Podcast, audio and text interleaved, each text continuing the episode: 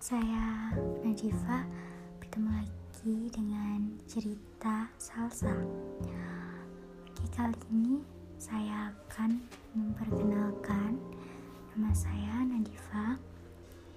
Podcast ini bercerita tentang kisah-kisah horor dan kisah-kisah romans yang lainnya ataupun kisah-kisah tentang kriminalitas.